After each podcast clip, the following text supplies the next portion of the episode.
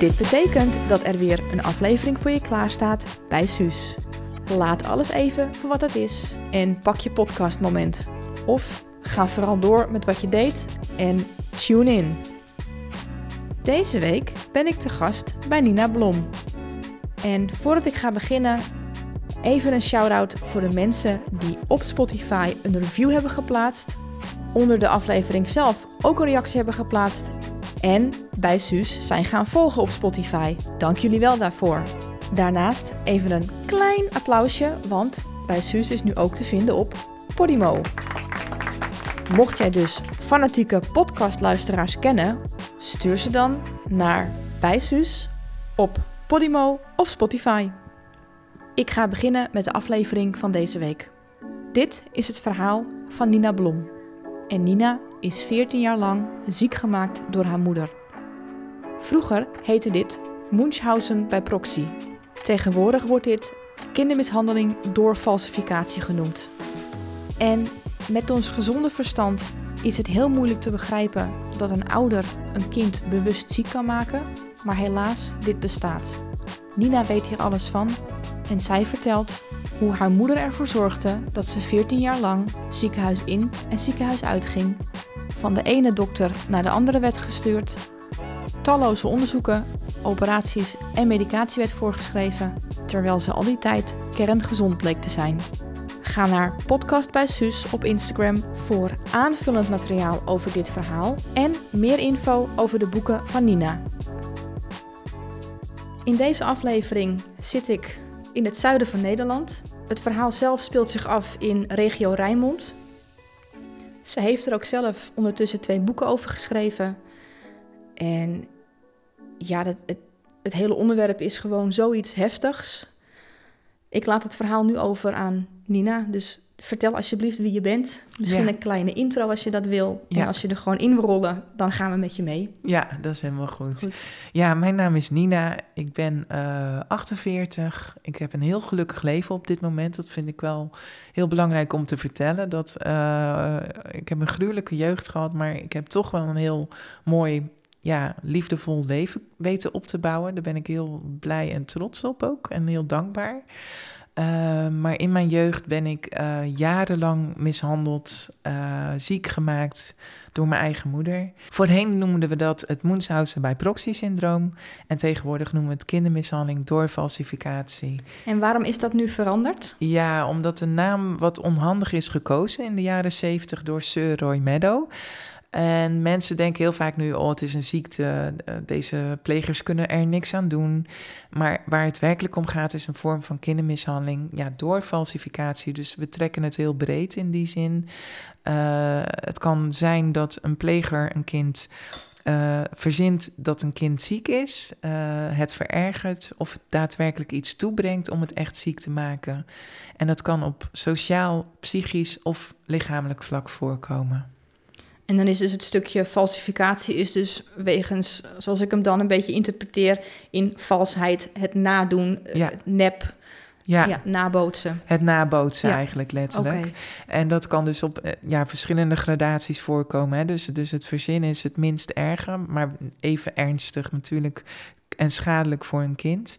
Ehm, of het verergeren. Dus dan moet je denken dat een kind bijvoorbeeld eh, suikerziekte heeft en dat de moeder eh, met eh, insuline aan het rotzooien is. Ik zeg nu de moeder, maar heel soms kunnen het ook vaders zijn. Ja, want de statistieken die zeggen dat het vaak de moeder is. Ja, en dat klopt. als het de vader is, is het vaak iemand die dan meegaat in wat de moeder doet. Ja, maar het, kunnen ook, het kan ook heel soms echt alleen de vader zijn. Dus, dat, dus ja, daarin is, ja, wil ik wel duidelijk zijn dat Ja. dat ook wel eens eh, wisselend kan zijn. Ja, maar het is dus bij de moeder is het dus veel voorkomender. Ja. Bij de vaders wat Ja. minder. Ja, absoluut. En soms andere verzorgers of... eh, Ja, dat kan natuurlijk ook nog. Dat je een voogd of, of een, een stiefouder of dat soort dingen. Ja, ja, of, natuurlijk. een, of een, iemand die in de zorg werkt, hè, dat komt ook voor. Dat is natuurlijk dan één groot overkoepelende benaming. Ja, klopt. Omdat er me- meerdere vormen zijn. En de klassieke vorm is eigenlijk eh, een pleger die haar kind ziek maakt om zo de aandacht te krijgen eh, van onder andere hulpverleners, maar ook van haar omgeving. En dat kan zo eh, ver gaan dat, ze, ja, dat het kind kan komen te overlijden. En ze doet dit allemaal puur dus om die aandacht te krijgen. Dat is waarom deze plegers het doen. Dat is eigenlijk echt de klassieke vorm van deze vorm van kindermishandeling. Ja. Dat is een hele heftige vorm. Ja. Want weet je, je gaat er natuurlijk vanuit, ehm, je bent moeder. Ja. Dus je liefde voor je kind is onvoorwaardelijk. Daar gaat ook jezelf vaak aan voorbij. Het is eerst je kind, dan kom ik. Dus ik kan er met mijn gezonde verstand niet bij dat je dus als moeder daaraan voorbij gaat Ja. en voor je eigen belangen hetgeen waar je het meest van houdt, dat je dat ziek maakt. Ja, en het is ondenkbaar, precies wat je zegt. Maar ik denk juist daarom, en daarom ben ik ook zo blij dat je mij hebt uitgenodigd in jouw podcast, dat mensen moeten gaan beseffen dat dit echt gebeurt. Het ondenkbare gebeurt, weet je. Ja. Net als ehm, incest, seksueel misbruik, dat kun je ook niet voorstellen dat het gebeurt, maar het gebeurt, weet je wel. En dat, ja, dat vind ik toch wel, dat is eigenlijk ook mijn levensmissie om hier meer bekendheid aan te geven. Ja, ik geef je groot gelijk. Want Ja. het is toch een beetje een ehm, bijna een ondergeschoven kindje waar niet over nagedacht wordt, omdat we inderdaad met een gezond brein het niet kunnen bevatten dat het Precies. achter gesloten deuren kan gebeuren. Precies. En Ja. weet je, het is mij overkomen. En zelfs ik kan het soms nog niet bedenken dat. Is dit mij echt overkomen, weet je? En dat is ook een van de redenen geweest waarom ik het ook letterlijk ben gaan opschrijven. Van ehm, er woorden aangeven, er woorden voor vinden. Van wat is mij nu overkomen, weet je? Omdat je ook als kind zo je eigen intuïtie en je, je eigen ik en identi- identiteit gewoon kwijtraakt, weet je?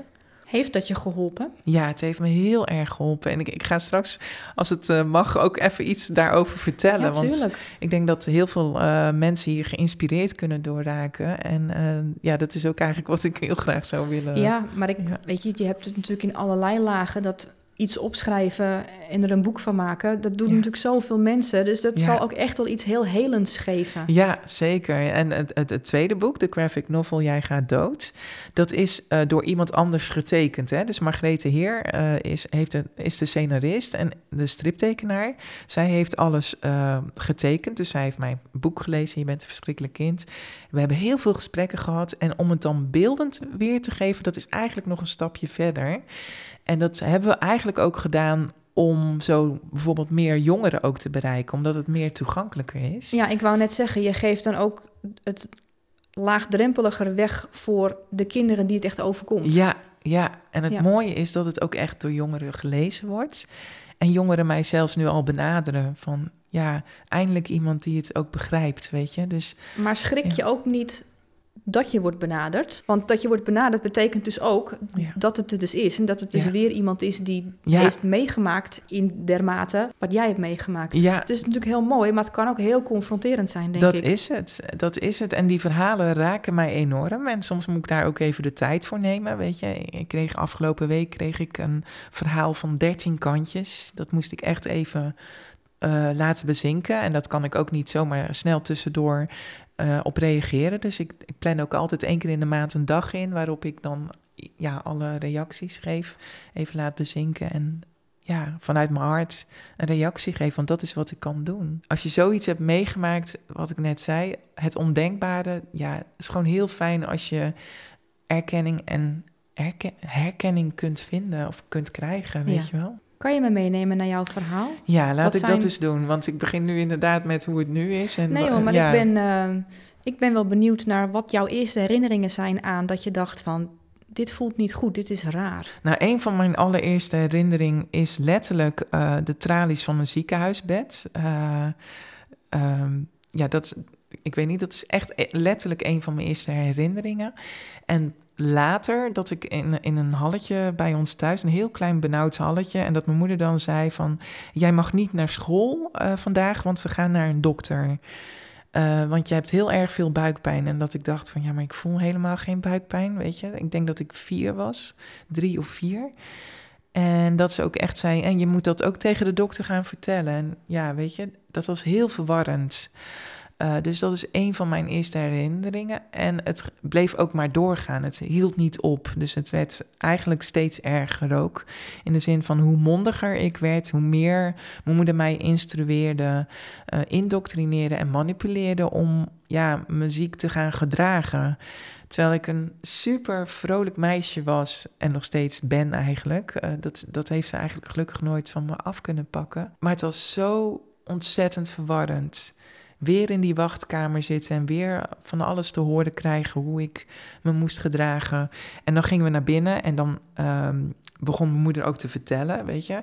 Ik, ik herinner me ook dat mijn moeder altijd uh, haarzelf helemaal piepfijn in orde maakte. Dus heel haar haar in een kapsel en haar kleding perfect. En ik kreeg dan een joggingspak aan of zo, weet je wel, dat soort dingen.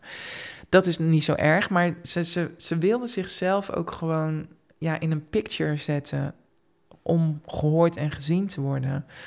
en als klein kind heb je dat natuurlijk niet door. Nee. Naarmate je ouder wordt, dan wordt dat contrast ook steeds duidelijker. Ja. Alsof het dus om haar draait eigenlijk. Ja, en, en dat, uh, weet je, het werd, en elke keer als we bijvoorbeeld ook weer naar een andere dokter gingen, dan werd het verhaal weer erger gemaakt. Van ja, Nina kan nou bijna niet meer lopen, want ze, ze gilt het uit van de pijn. En dat ik dacht van, dat is helemaal niet waar. Weet je, het is zo erg als je dan beseft, het is niet waar, het klopt niet, maar je kunt niks zeggen. Want als ik er iets over zou zeggen dat het niet waar zou zijn, dan zou ze me echt gewoon nog meer mishandelen. Hoe uitte zich dat dan? Want ik denk dat je toch wel een paar keer daar bijvoorbeeld wel tegen in bent gegaan. Of dat je vragen bent gaan stellen. Of dat je toch ageert naarmate je ouder wordt. En dan wil ik ook echt even eigenlijk naar het moment toe dat ik negen was. Uh, want toen werd het zo uh, gigantisch erg dat ik volledig werd thuis gehouden. Ik mocht ook niet meer naar school. En ze zei tegen mij letterlijk van ja, je moet naar het ziekenhuis voor onderzoek. En dat zal ongeveer drie dagen duren. Uh, niet wetende dat die drie dagen vijf en een half jaar zouden worden. Van ziekenhuis in, ziekenhuis uit. Dus totaal niet meer naar school. Dus ik zag ook bijna niemand meer. En dat was het moment dat ik zei van... Ja, maar mama, ik voel helemaal geen pijn. Ik voel me helemaal niet ziek. En toen zei ze letterlijk... En je gaat nou niet ineens beweren dat je geen pijn hebt. En het was alsof de adem gewoon... Alsof ik gewoon... Weet je, gewoon... Ja, ik, ik weet niet hoe ik het moet uitleggen. Maar... Het eerste wat bij mij nu in me opkomt, is dat ik een heel beklemmend gevoel krijg. Omdat iemand voor mij gaat bepalen hoe ik me voel. Ja, en, en weet je, ik, ik zeg natuurlijk, ik begin vanaf mijn negende, maar het is vanaf mijn baby tot mijn, tot mijn veertiende doorgegaan. Dus dat heeft zich langzaam zo opgebouwd. Dus je, gaat, je raakt op een gegeven moment verstrikt in een web, dat, zo, zo zeg ik het wel eens. En je kunt er niet meer uit. Er is geen weg meer terug. En ook al probeer jij af en toe weerstand te bieden of, of te zeggen van dit klopt niet en dit is niet waar. Het, het, het was altijd mijn moeder die sterker was en die ja, mij zo in haar enge macht had. Want dat was het, weet je. Zelfs als ze niet in mijn buurt was, dan voelde ik nog steeds haar donkere ogen uh, dreigend naar me kijken. En en dat is, dat is die verwarring van je, je bent eigenlijk, je weet dat je een heel blij, uh, vrolijk meisje bent. Je voelt je niet ziek. Maar op een gegeven moment is mijn moeder het zo gaan doen dat ze ook daadwerkelijk, dus, nou, dan begin ik even, daarom begin ik ook bij mijn negende. Ze ging me inswachtelen. Dus dat is natuurlijk heel slecht. Dus de bloedtoevoer van mijn armen en mijn benen werden afgekneld. Uh, ik kreeg hele gevaarlijke medicatie. In het begin was het nog pijnstillers en spierverslappers, maar daarna werd het ook echt hele nare en gevaarlijke medicaties. Weet je ook nog welke medicaties dat waren? Ja, ja een van de medicatie, het was uh, op een, een, tijdje heeft ze prednison gegeven. Nou, dat is echt een, is een paardenmiddel. Ja, precies. Uh, maar ze heeft me ook uh, luminal gegeven. dat is een, een middel voor epilepsie. En Vesperax. En Vesperax werd in de jaren 70, 80 ingezet als slaapmiddel, maar je kon er ook een leven mee beëindigen. En dat is zeg maar in de laatste fase, ja, toen 13, 14 was, heb ik dat dus dagelijks uh, gekregen. 21 pillen per dag. 21 pillen per dag? Ja, ik weet dat nog heel goed, omdat mijn moeder uh, een handeling deed. Uh, zeven keer per dag drie pillen op mijn tong leggen en doorslikken, weet je. En ja, zo ben ik het gaan onthouden. En wat ja, echt heel erg was, is dat op een gegeven moment mijn moeder ook me steeds minder te eten gaf. Dus de verdraaiing, de verwarring van je niet ziek voelen en het niet snappen, ging op een gegeven moment over naar: hé, hey, maar nu, nu voel ik me echt heel ziek. En uh, ga ik dit eigenlijk wel overleven? Weet je, en, en dat is gewoon, ja, dat kun je gewoon niet bevatten, zeg maar, dat je, je zit ergens in en je kunt er niet uit. Je, het, het is letterlijk het karretje waar mijn moeder mij in heeft gezet op mijn negende levensjaar. We gaan nu naar een ziekenhuis, hè, hop, het karretje in. En ik wist niet wanneer die rit op zou houden. Wat voor onderzoeken heb je allemaal gehad? Ja, ik, ik, ik ben niet heel medisch onderlegd, maar het, het, het ruggenprikken, um, spieronderzoeken, weet je, met naaldjes in je spieren waarin je schokjes krijgt, uh, heel veel bloed prikken, uh, maar ook vanaf uh, baby tot mijn negende zeg maar ook heel veel darmonderzoeken, ook ja, via, de ma via de mond naar je maag, zijn ook best wel hele traumatische onderzoeken. Endoscopie denk ik. Ja, ja, via de achterkant, die heb ik ook uh, vaak. Uh, en dan ook via je slokdarm dus? Ja, ja dat was dan later, toen ik een jaar of dertien was en maagbloedingen kreeg. En die maagbloedingen, weet ik nu achteraf, komen natuurlijk door minder voedsel, bijna geen voedsel, tot helemaal geen voedsel meer. En wel hele gevaarlijke medicatie, ja. Je lijf zegt, dit is gif, dit, dit moet eruit, weet je wel. Als je zware medicatie neemt, gaat je lichaam echt teren op gifstoffen. Ja, en dat is zo'n gevaarlijk kantelpunt. En dat heb ik letterlijk aan de lijve ondervonden, weet je. Dat ik ook echt dacht...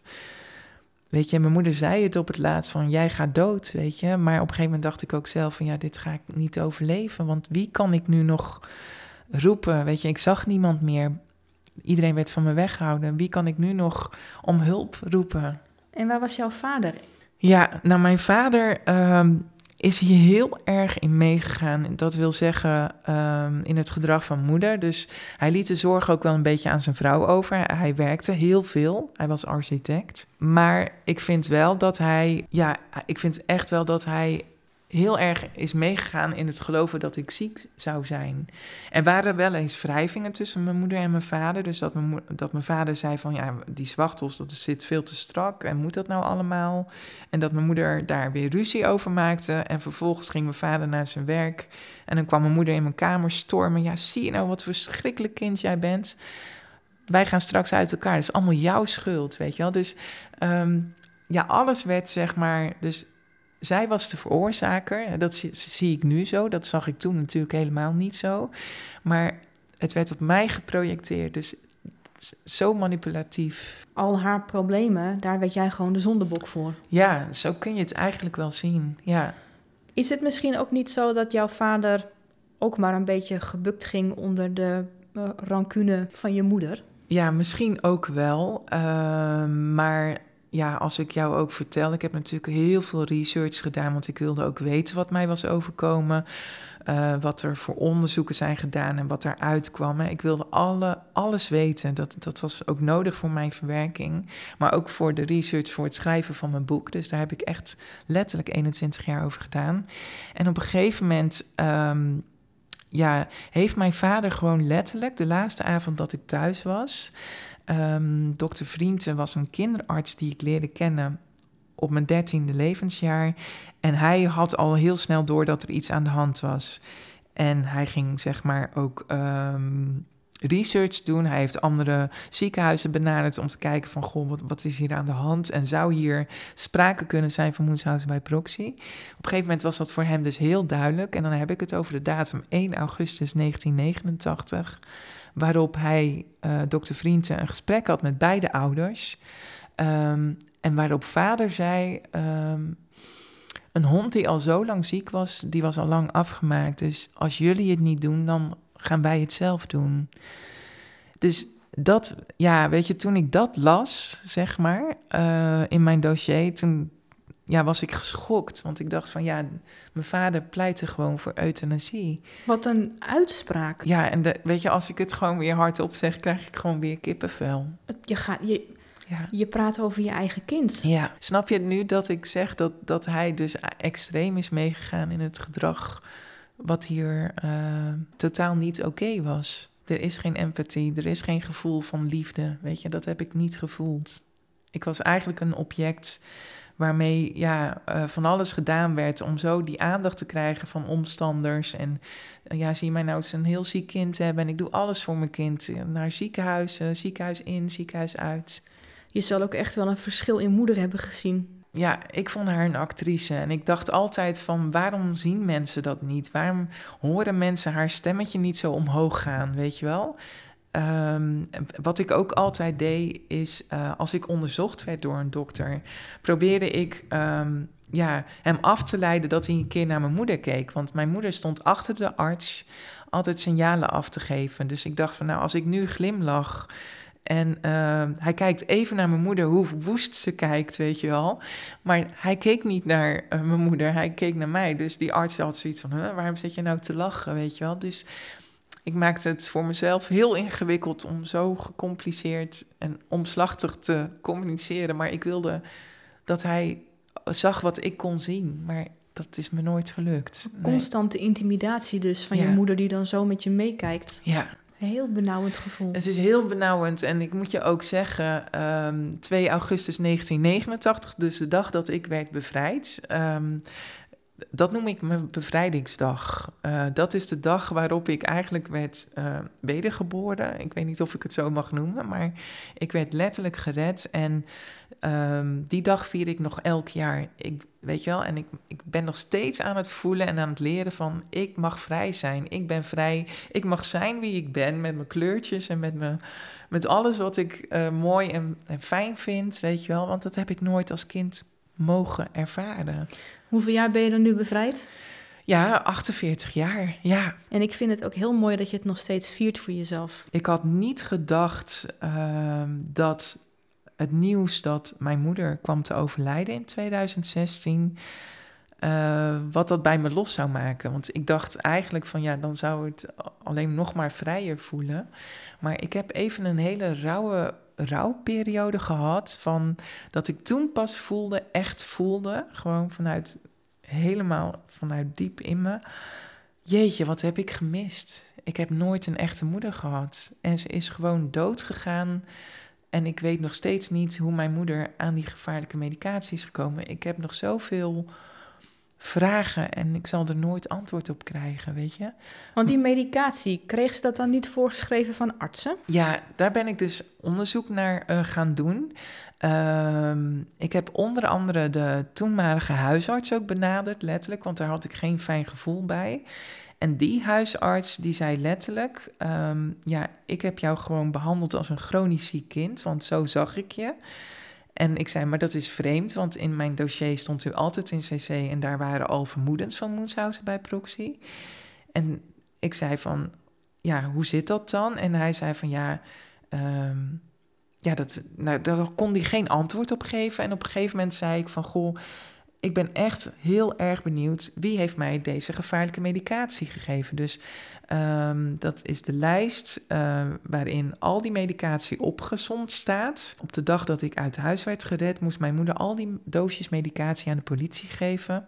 En mijn bloed is toen geprikt op die stoffen. En de hoeveelheid stoffen stond opgezond in mijn dossier. En ik vroeg aan hem van hoe Weet u hoe mijn moeder daar is aangekomen? En hij zei letterlijk: Als jij me nu komt beschuldigen, dan is daar het gat van de deur. En ik zei: Maar ik beschuldig u niet. Ik zeg: Ik ben op zoek naar antwoorden. En ja, hij heeft het me niet gegeven. Dus ik, heb, ik ben voorzichtig in, in um, ja, uitspraken, maar ik heb er geen goed gevoel bij. Uh, het moment dat ik hoorde dat mijn moeder overleed, het was heel gek. Het was toch een beetje alsof de, de grond een beetje wiebelde zo onder mijn voeten. En ik zei het letterlijk tegen mijn vriend van ja, ik, ik heb net gehoord dat mijn moeder dood is, maar waarom ben ik nou aan het huilen?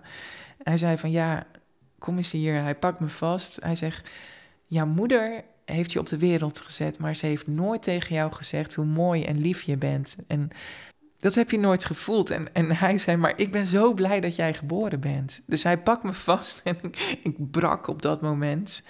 Um, want dat was gewoon precies wat ik op dat moment wilde horen, denk ik. Of zijn armen om me heen.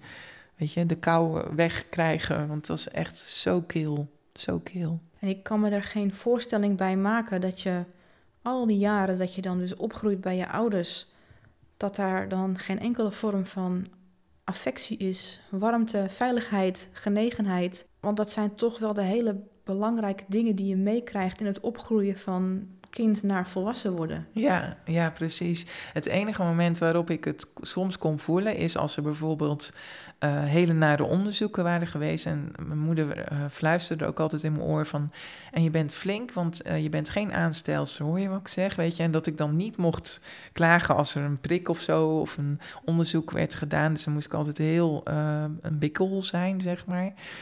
En dan zag ik haar een beetje tevreden. En dan was ze ook, ja, dan was ze wel heel even een soort van trots of lief. En dat vond ik zo naar, want ik zag alsof ze daarvan genoot. Dus het voor mij, ja, misschien was dat haar manier van liefde geven. Ik weet het niet.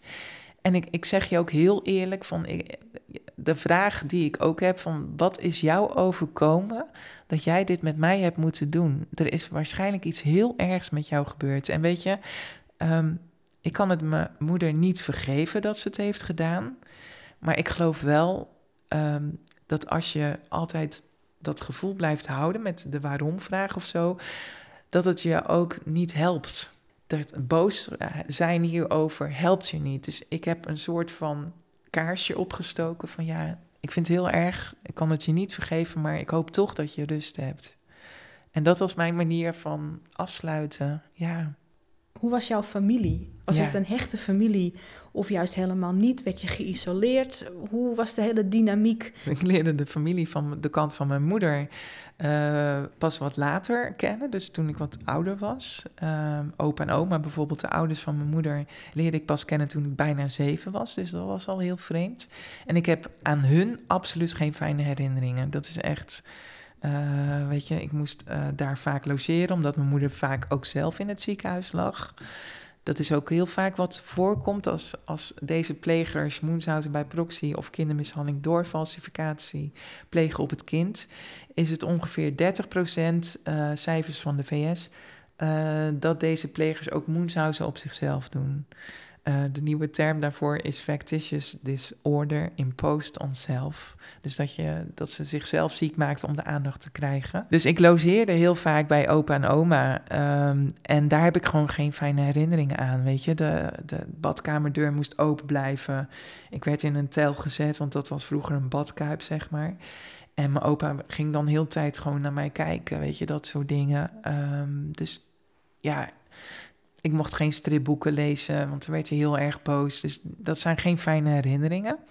Wat betreft de familie van mijn vaders kant, daar heb ik zelf wel hele warme en fijne herinneringen aan. Um, alleen het was voor mijn moeder nooit goed genoeg. Er was bijvoorbeeld altijd tijdens verjaardagen ruzies. Um, want uh, ja, bepaalde mensen over geld, ik weet het niet ik snapte het ook niet. Heb je dan ook voor jezelf dat je wel duidelijk hebt dat daar al iets niet goed zat, waardoor jouw moeder is zoals ze was? Ja, en dat is vooral als je er naar terugkijkt. Want als je er zo in zit, dan kun je dat denk ik zelf ook niet zo heel goed zien. Maar nee, je, daarom je, je, voelt het. Ja, je, maar je voelt wel gewoon constant een spanning. Uh, nou ja, een beklemming letterlijk. Uh, dat, dat is zeker, zeker wel zo, ja ja, dat, daarom is het schrijven voor mij ook zo helpend geweest om chronologisch alles op te schrijven. Ik, ik kreeg deze tip ook, um, je moet je voorstellen, ik werd dus um, op de dag dat ik gered werd, dus die 2 augustus 1989, werd ik naar een regulier ziekenhuis gebracht. Uh, de politie was daarbij aanwezig, de ambulance, de Raad voor de Kinderbescherming. En in die ochtend was dokter Vriendsen nog langs geweest, want hij maakte zich extreem veel zorgen. En uh, ja, ik, op dat moment was ik helemaal in de war, want er kwamen nooit mensen meer bij ons thuis. En eh, heel mijn slaapkamer stond vol. En Moortje, mijn kat, die moest in de douche gezet worden. En er, werd, um, er werden twee stoelen door mijn moeder in de gang gezet. Daar werd een brancard op gezet. En uh, er was paniek bij mijn moeder ook ene kant. Um, ja, ze gaan Nina nou toch niet meenemen, weet je wel. En, uh, en ik zei van, nee, ik wil niet naar een ziekenhuis.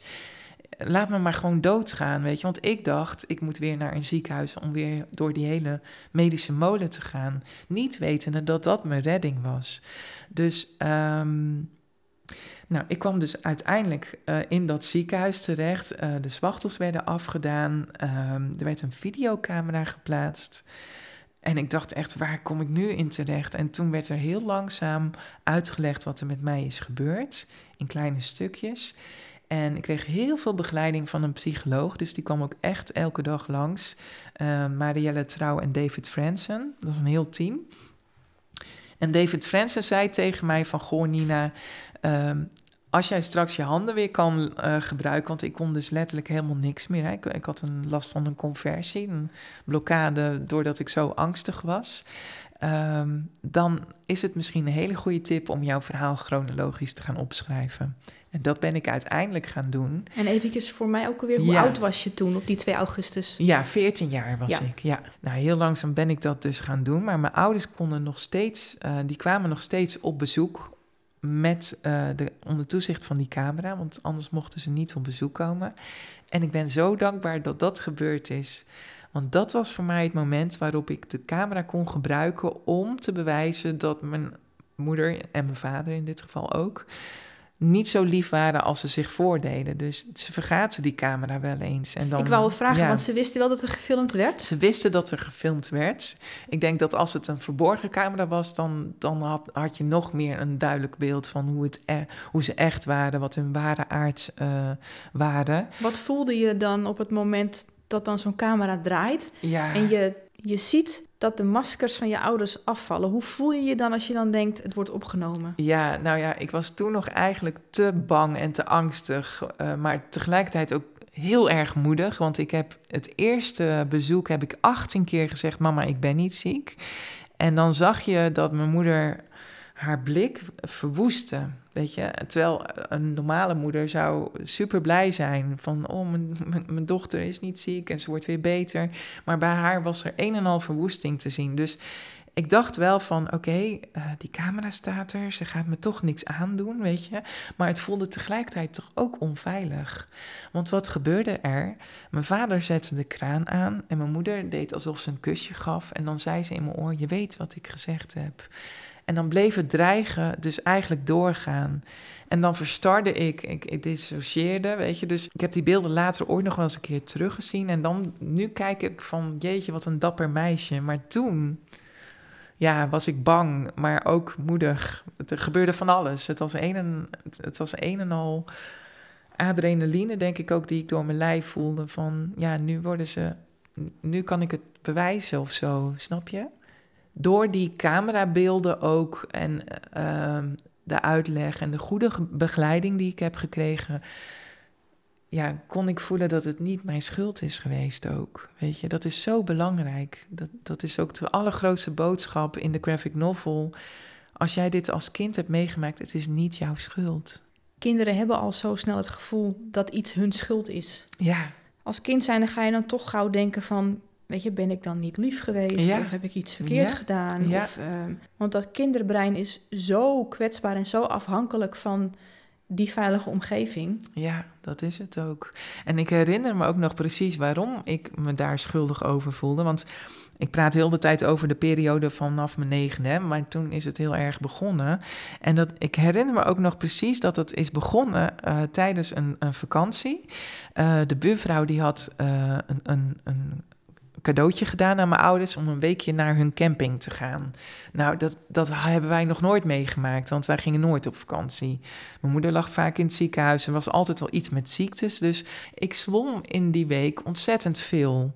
En ik heb toen één of twee keer echt een beetje spierpijn gehad. En dat heb ik waarschijnlijk gezegd. En ah, ik, het moment dat mijn moeder zei: je, je moet naar het ziekenhuis voor onderzoeken, toen dacht ik meteen komt het door mezelf. Want ik heb een keer geklaagd over spierpijn, snap je? En dat is nooit uit mijn hoofd gegaan.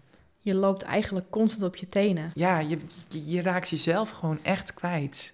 Weet Want je? hoe Ja. makkelijk, zelfs nu als je volwassen bent, zeg je in de praten pas... oh, ik heb zo'n hoofdpijn. Ja. Of ik heb vannacht niet goed gelegen, hoor. ja, precies. En niemand die daarmee vandoor gaat als zijnde van... oh, dit moeten we uitbuiten. ja. Dus je loopt constant als kind zijnde op je tandvlees...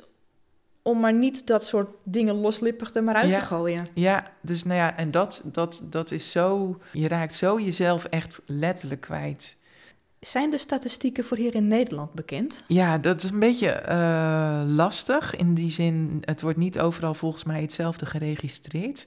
Maar eh, het laatste artikel recent wat in de NRC stond, is dat er eh 30 tot 40 eh, vermoedens zijn. Dus dan moet er natuurlijk nog wel gekeken worden hoeveel daadwerkelijk hierover gaat. Ehm, maar Veilig Thuis denkt wel dat het uh, getal toch een stuk hoger is. En dit is dan per jaar? Ja, per jaar. En ik denk zelf ook, want ook als mijn verhaal een keer in de media is gekomen, dan ja, heb ik het gewoon veel drukker met mensen die mij benaderen. Die, uh, sommige mensen die al jaren proberen mij te benaderen, maar ze durven niet. En dan eindelijk de moed vinden. Daarin merk ik dat het waarschijnlijk toch vaker voorkomt dan we ook gewoon denken en vermoeden. Heb jij ook je dossier van 0 tot en met 6, 7, 8 jaar? Dat is een hele goede vraag die je stelt. Um, ik heb uh, totaal, uh, moet ik even goed nadenken, in zeven verschillende ziekenhuizen gelegen, waarvan drie academisch. En de andere vier reguliere ziekenhuizen, daar was alles al vernietigd. Dus ik heb uh, de tip gekregen van dokter Vrienden van, goh, benader die uh, academische ziekenhuizen eens. En toen ben ik die gaan opvragen. En ik kreeg zo'n stapel. Uh, dat was echt heel heftig, met allemaal onderzoeken. Uh, dus die hadden natuurlijk ook van uh, stukjes van reguliere ziekenhuizen zitten er ook in. En uh, dat was voor mij super confronterend. En, ik krijg het ook helemaal koud ja. nu. Het zegt, ik krijg het ja. helemaal koud. En als je dan zo'n pak binnenkrijgt... Ja, ik wist niet waar ik moest beginnen. Dan gaat je hoofd toch van tollen. Ik, ik heb het ook koud al. Ik herinner me gewoon weer dat ik het binnenkreeg. Uh, hè, dus um, het eerste was inderdaad uh, van een kinderziekenhuis... waarin uh, ik lang in een ziekenhuis heb gelegen... waarin kinderen ook overleden, hè, dus door kanker bijvoorbeeld... En daar heb ik me toen ook zo schuldig over gevoeld toen ik daar in dat ziekenhuis lag op mijn negende levensjaar. Dus nou, waar moet ik beginnen? En ik zag dat alles um, negatief was, wat dus eigenlijk goed is. Hè? Dus niks gevonden, niks lijfelijks. En heel snel werd al die conversie uh, geconstateerd.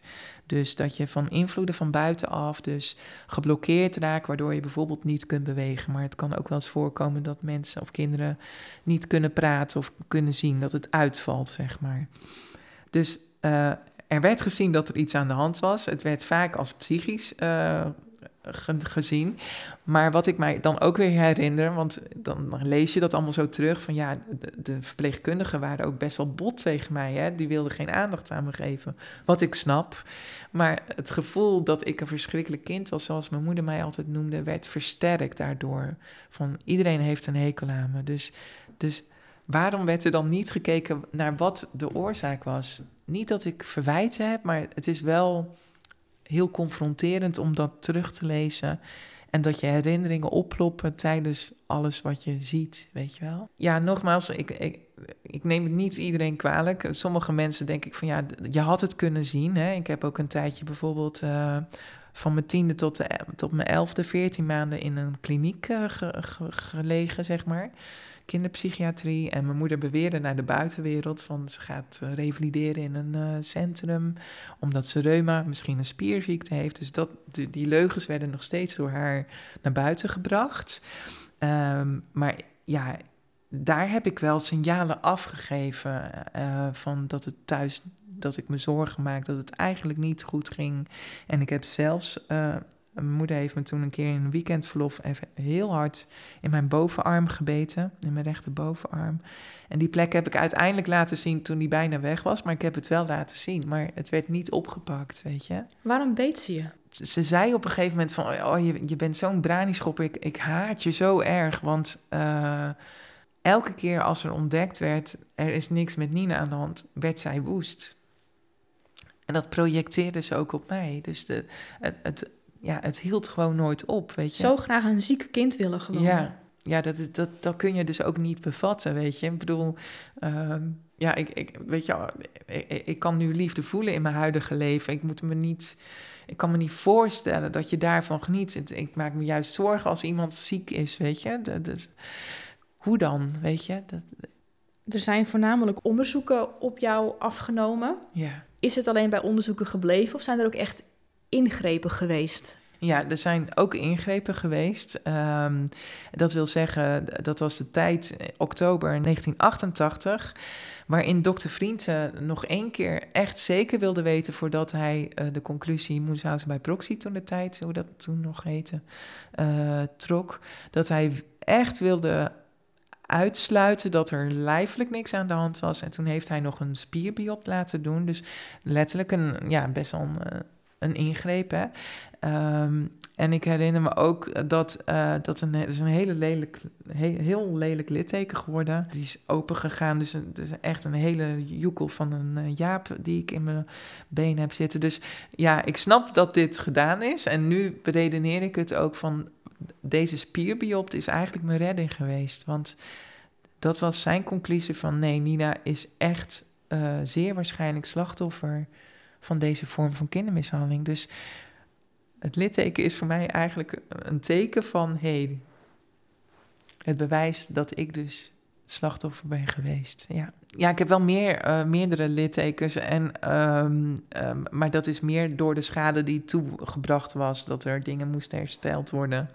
Uh, dat ik vandaag de dag nog steeds fysiotherapie nodig heb, omdat mijn lijf gewoon ja, zo onderontwikkeld is. Dus ik, ik kan lijfelijk ook niet zwaar tillen. Uh, ik kan ook geen werk doen fysiek, weet je wel. Dus ja, dat. Ja, want wat zijn uiteindelijk echte dingen wat je hè, door de acties van je moeder nu overgehouden hebt in je leven nu? Ja, nou dat zijn er echt wel een heleboel. Uh, een van de dingen is, ja, ik ga het toch benoemen, is ik wilde als kind altijd 13 kinderen. Ik was gek op kinderen. En ik durf het nu gewoon niet aan. Dus ik heb letterlijk um, een paar jaar geleden de knoop doorgehakt van ja, kinderen, dat gaat hem niet worden. Niet dat ik bang ben dat ik hetzelfde zou doen als mijn moeder, maar ik zou constant in paniek zijn van wat als mijn kind ziek is en ben, kom ik dan niet te laat naar een arts, weet je wel? Want een arts geeft ook weerstand, een ziekenhuis, snap je? Um, ja, en dat heb ik bijvoorbeeld vorig jaar aan de lijve ondervonden. Ik heb dus uh, veel te lang rondgelopen met een een galblaasontsteking, wat heel veel complicaties heeft gegeven, ga ik niet te diep op in, maar uh, dat was heel traumatisch. Dus als er echt iets is, dan uh, is er iets in mijn hoofd dat zegt: er is niks aan de hand, je moet je niet aanstellen en gewoon doorgaan. Omdat je zo getraumatiseerd bent van ziekenhuizen ook. En, en daar ben ik nu nog steeds, ja, daar heb ik nog steeds een klap van van vorig jaar. Want stap je ook liever niet een ziekenhuis in door alles? Nee, dat, dat is heel heftig. Uh, het roept herinneringen op. Um, het is ja, ik ben getraumatiseerd door al die nare onderzoeken, ingrepen. Maar ook het moment natuurlijk dat ik het bijna werkelijk niet heb overleefd. Dus moet je voorstellen dat ik die 2 augustus 1989 bijna tien maanden in een ziekenhuis heb moeten liggen om te herstellen van alle schade die mij was aangedaan. Dus, um, Ongelooflijk. Ja, dat, dat is het ook.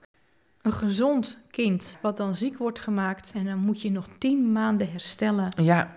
Van ja. iets wat er eigenlijk helemaal niet hoeft te zijn. Ja, dat is het. Hoe is het op een gegeven moment verder gegaan dat hè, de kinderbescherming komt erbij, politie, ja. ben je uit huis geplaatst? Ja, ja ik ben dus uit huis geplaatst, uh, geplaatst door de, de Raad van de Kinderbescherming, um, de politie en de ambulance.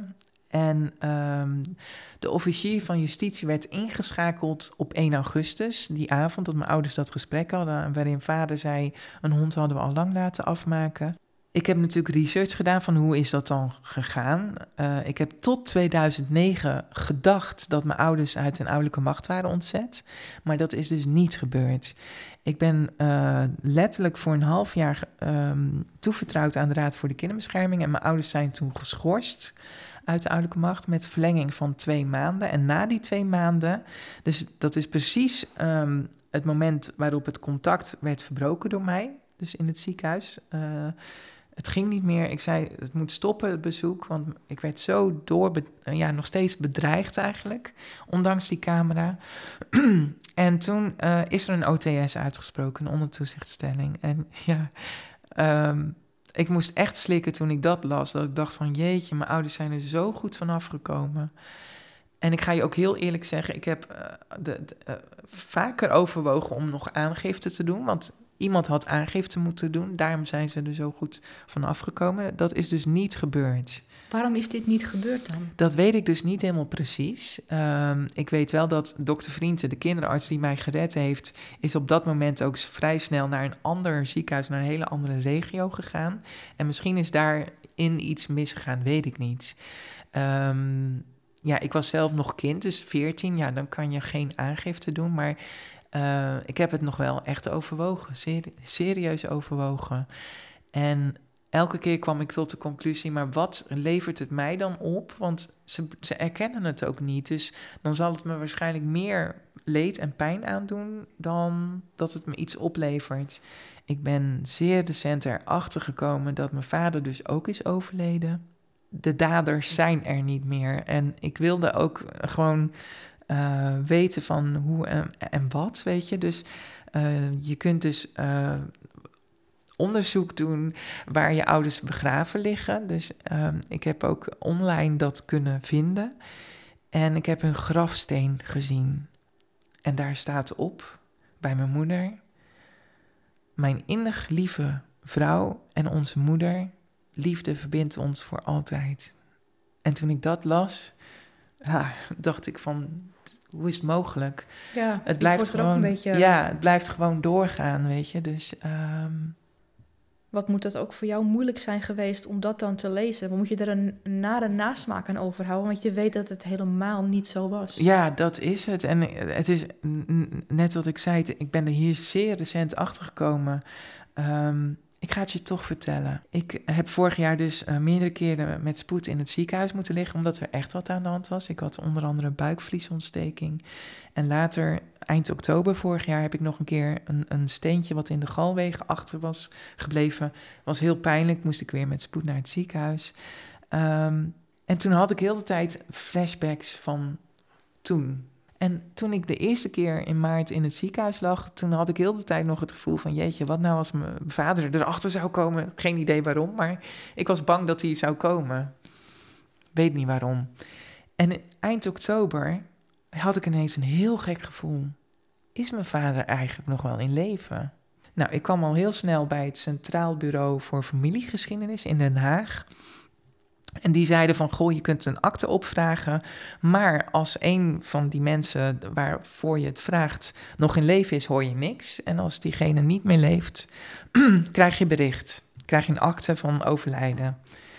Dus ik zei, nou, dan wil ik er een van mijn vader, maar ik wil er ook een van mijn moeder, want ik heb van mijn moeder eigenlijk dus nooit zwart op wit gekregen dat ze niet meer is.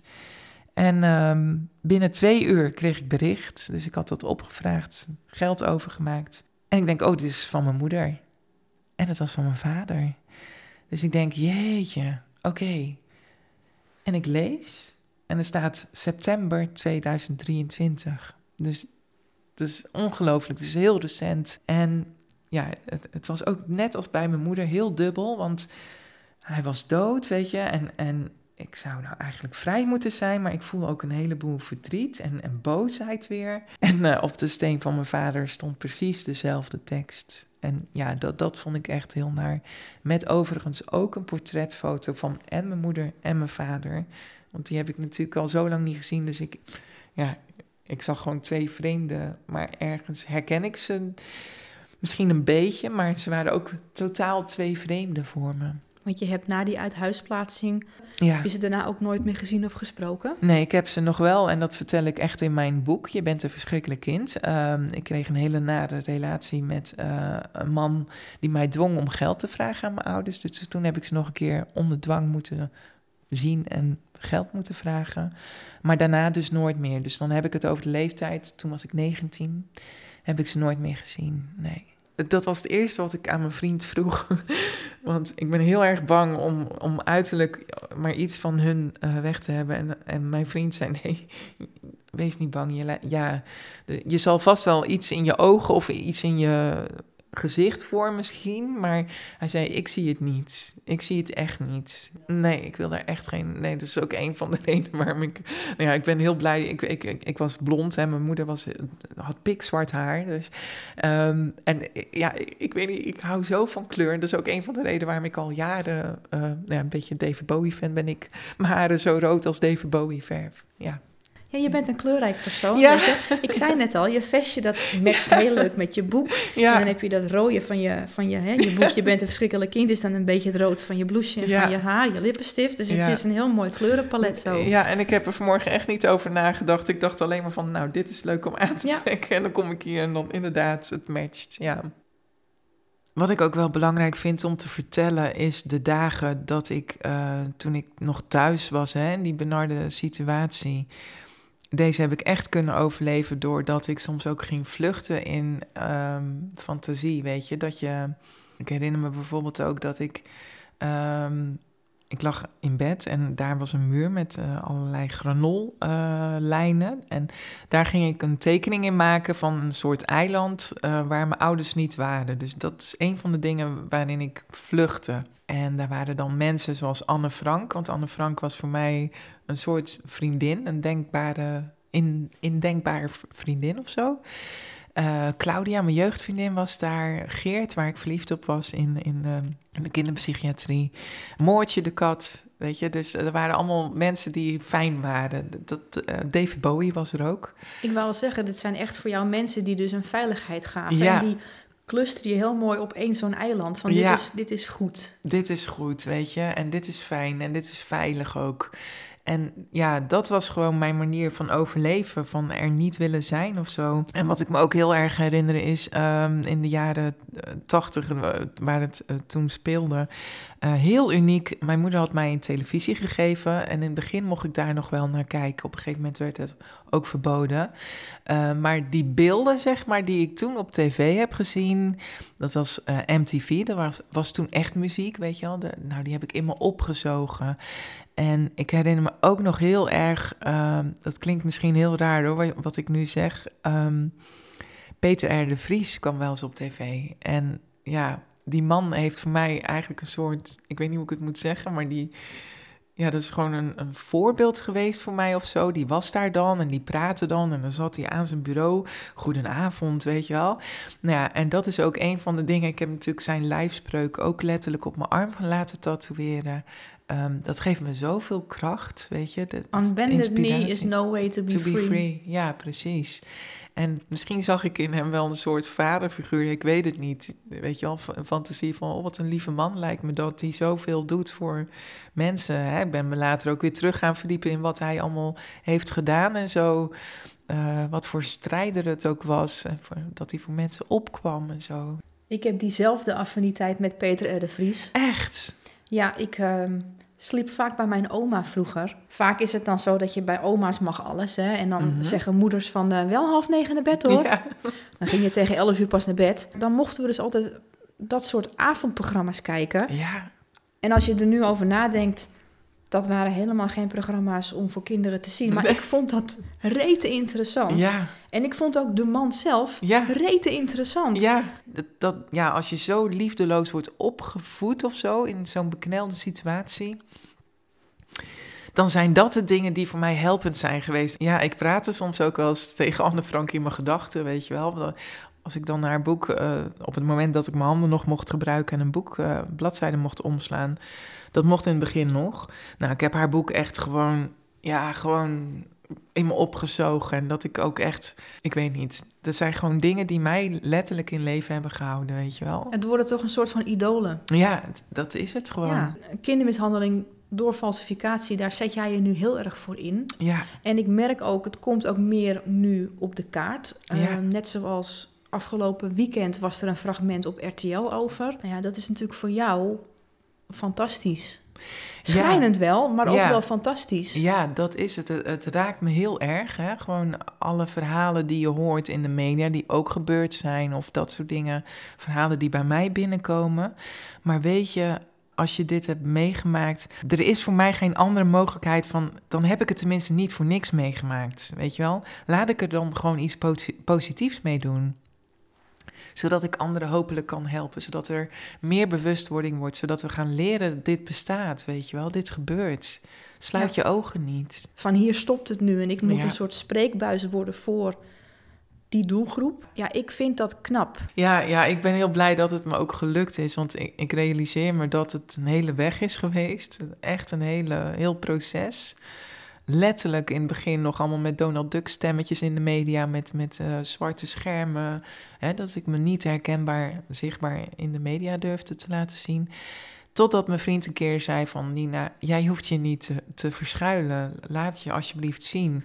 Heb jij nog voor de toekomst dingen gepland staan? Weet je, wat gaat er nog voor jou komen in deze missie? Ja, nou ja, een van mijn grote dromen is, nou ja, eentje is al uitgekomen, de graphic novel. Dat was een, een hele grote droom. En, en ik heb nog, nog één droom eigenlijk. Ik heb nog meerdere dromen hoor. Ehm, maar één grote droom in ieder geval is dat ik hoop dat er ooit een verfilming uit mag komen. Omdat je daarmee ook weer enorm veel mensen bereikt. Ik hoop dat het voor je uit mag komen. Ja, ja, ik hoop het ook. En nou ja, weet je, de weg is misschien nog lang, ik weet het niet. Maar gevoelsmatig denk ik gewoon, ik blijf gewoon doorgaan vanuit mijn hart. Uh, de lezingen geven. Ik geef heel veel lezingen. Reacties geven naar mensen die het ook hebben meegemaakt. Ik zet me gewoon in. Ik blijf gewoon doen wat ik graag doe.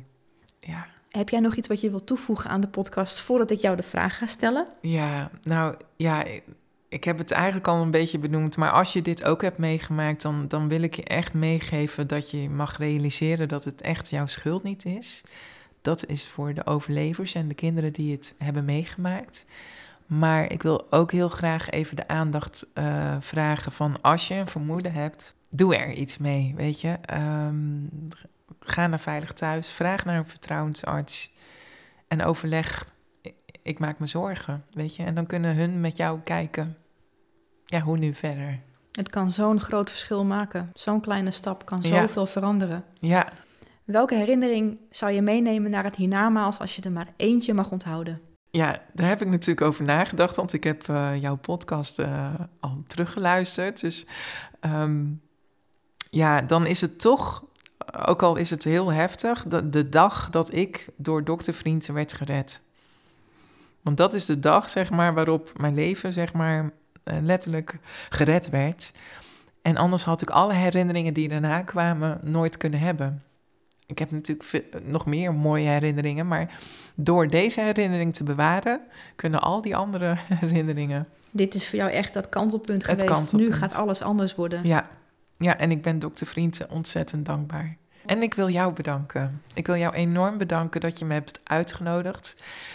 Ja, volgens mij hebben we een heel mooi gesprek gehad samen. Ook. Ja, heel erg. Ja, ik vind je een powervrouw met alle kleuren die je hebt. Weet je, ik zie ook je nagels. Je hebt prachtige kleuren op je nagels ook. Ik vind het fantastisch. Ja. Um, ik vind je een fantastisch mens. En ook jij bedankt dat je met mij wilde gaan zitten. Ja, nou, alle succes voor jou. ja. Het zit er weer op voor deze week. Ik hoop dat je het een interessante aflevering vond. Bij mijn podcast op Spotify kan je rechtsbovenin drie puntjes aanklikken om een beoordeling achter te laten. Vijf sterren is natuurlijk hartstikke welkom. Des te meer reviews mijn podcast krijgt, en dan positief natuurlijk, hoe meer verhalen zoals die van Nina worden aangedragen aan nieuwe luisteraars. En dat is natuurlijk wat ik graag wil bereiken. Dus tik die vijf sterren aan en volgende week staat er weer een nieuwe aflevering voor je klaar. Tot dan!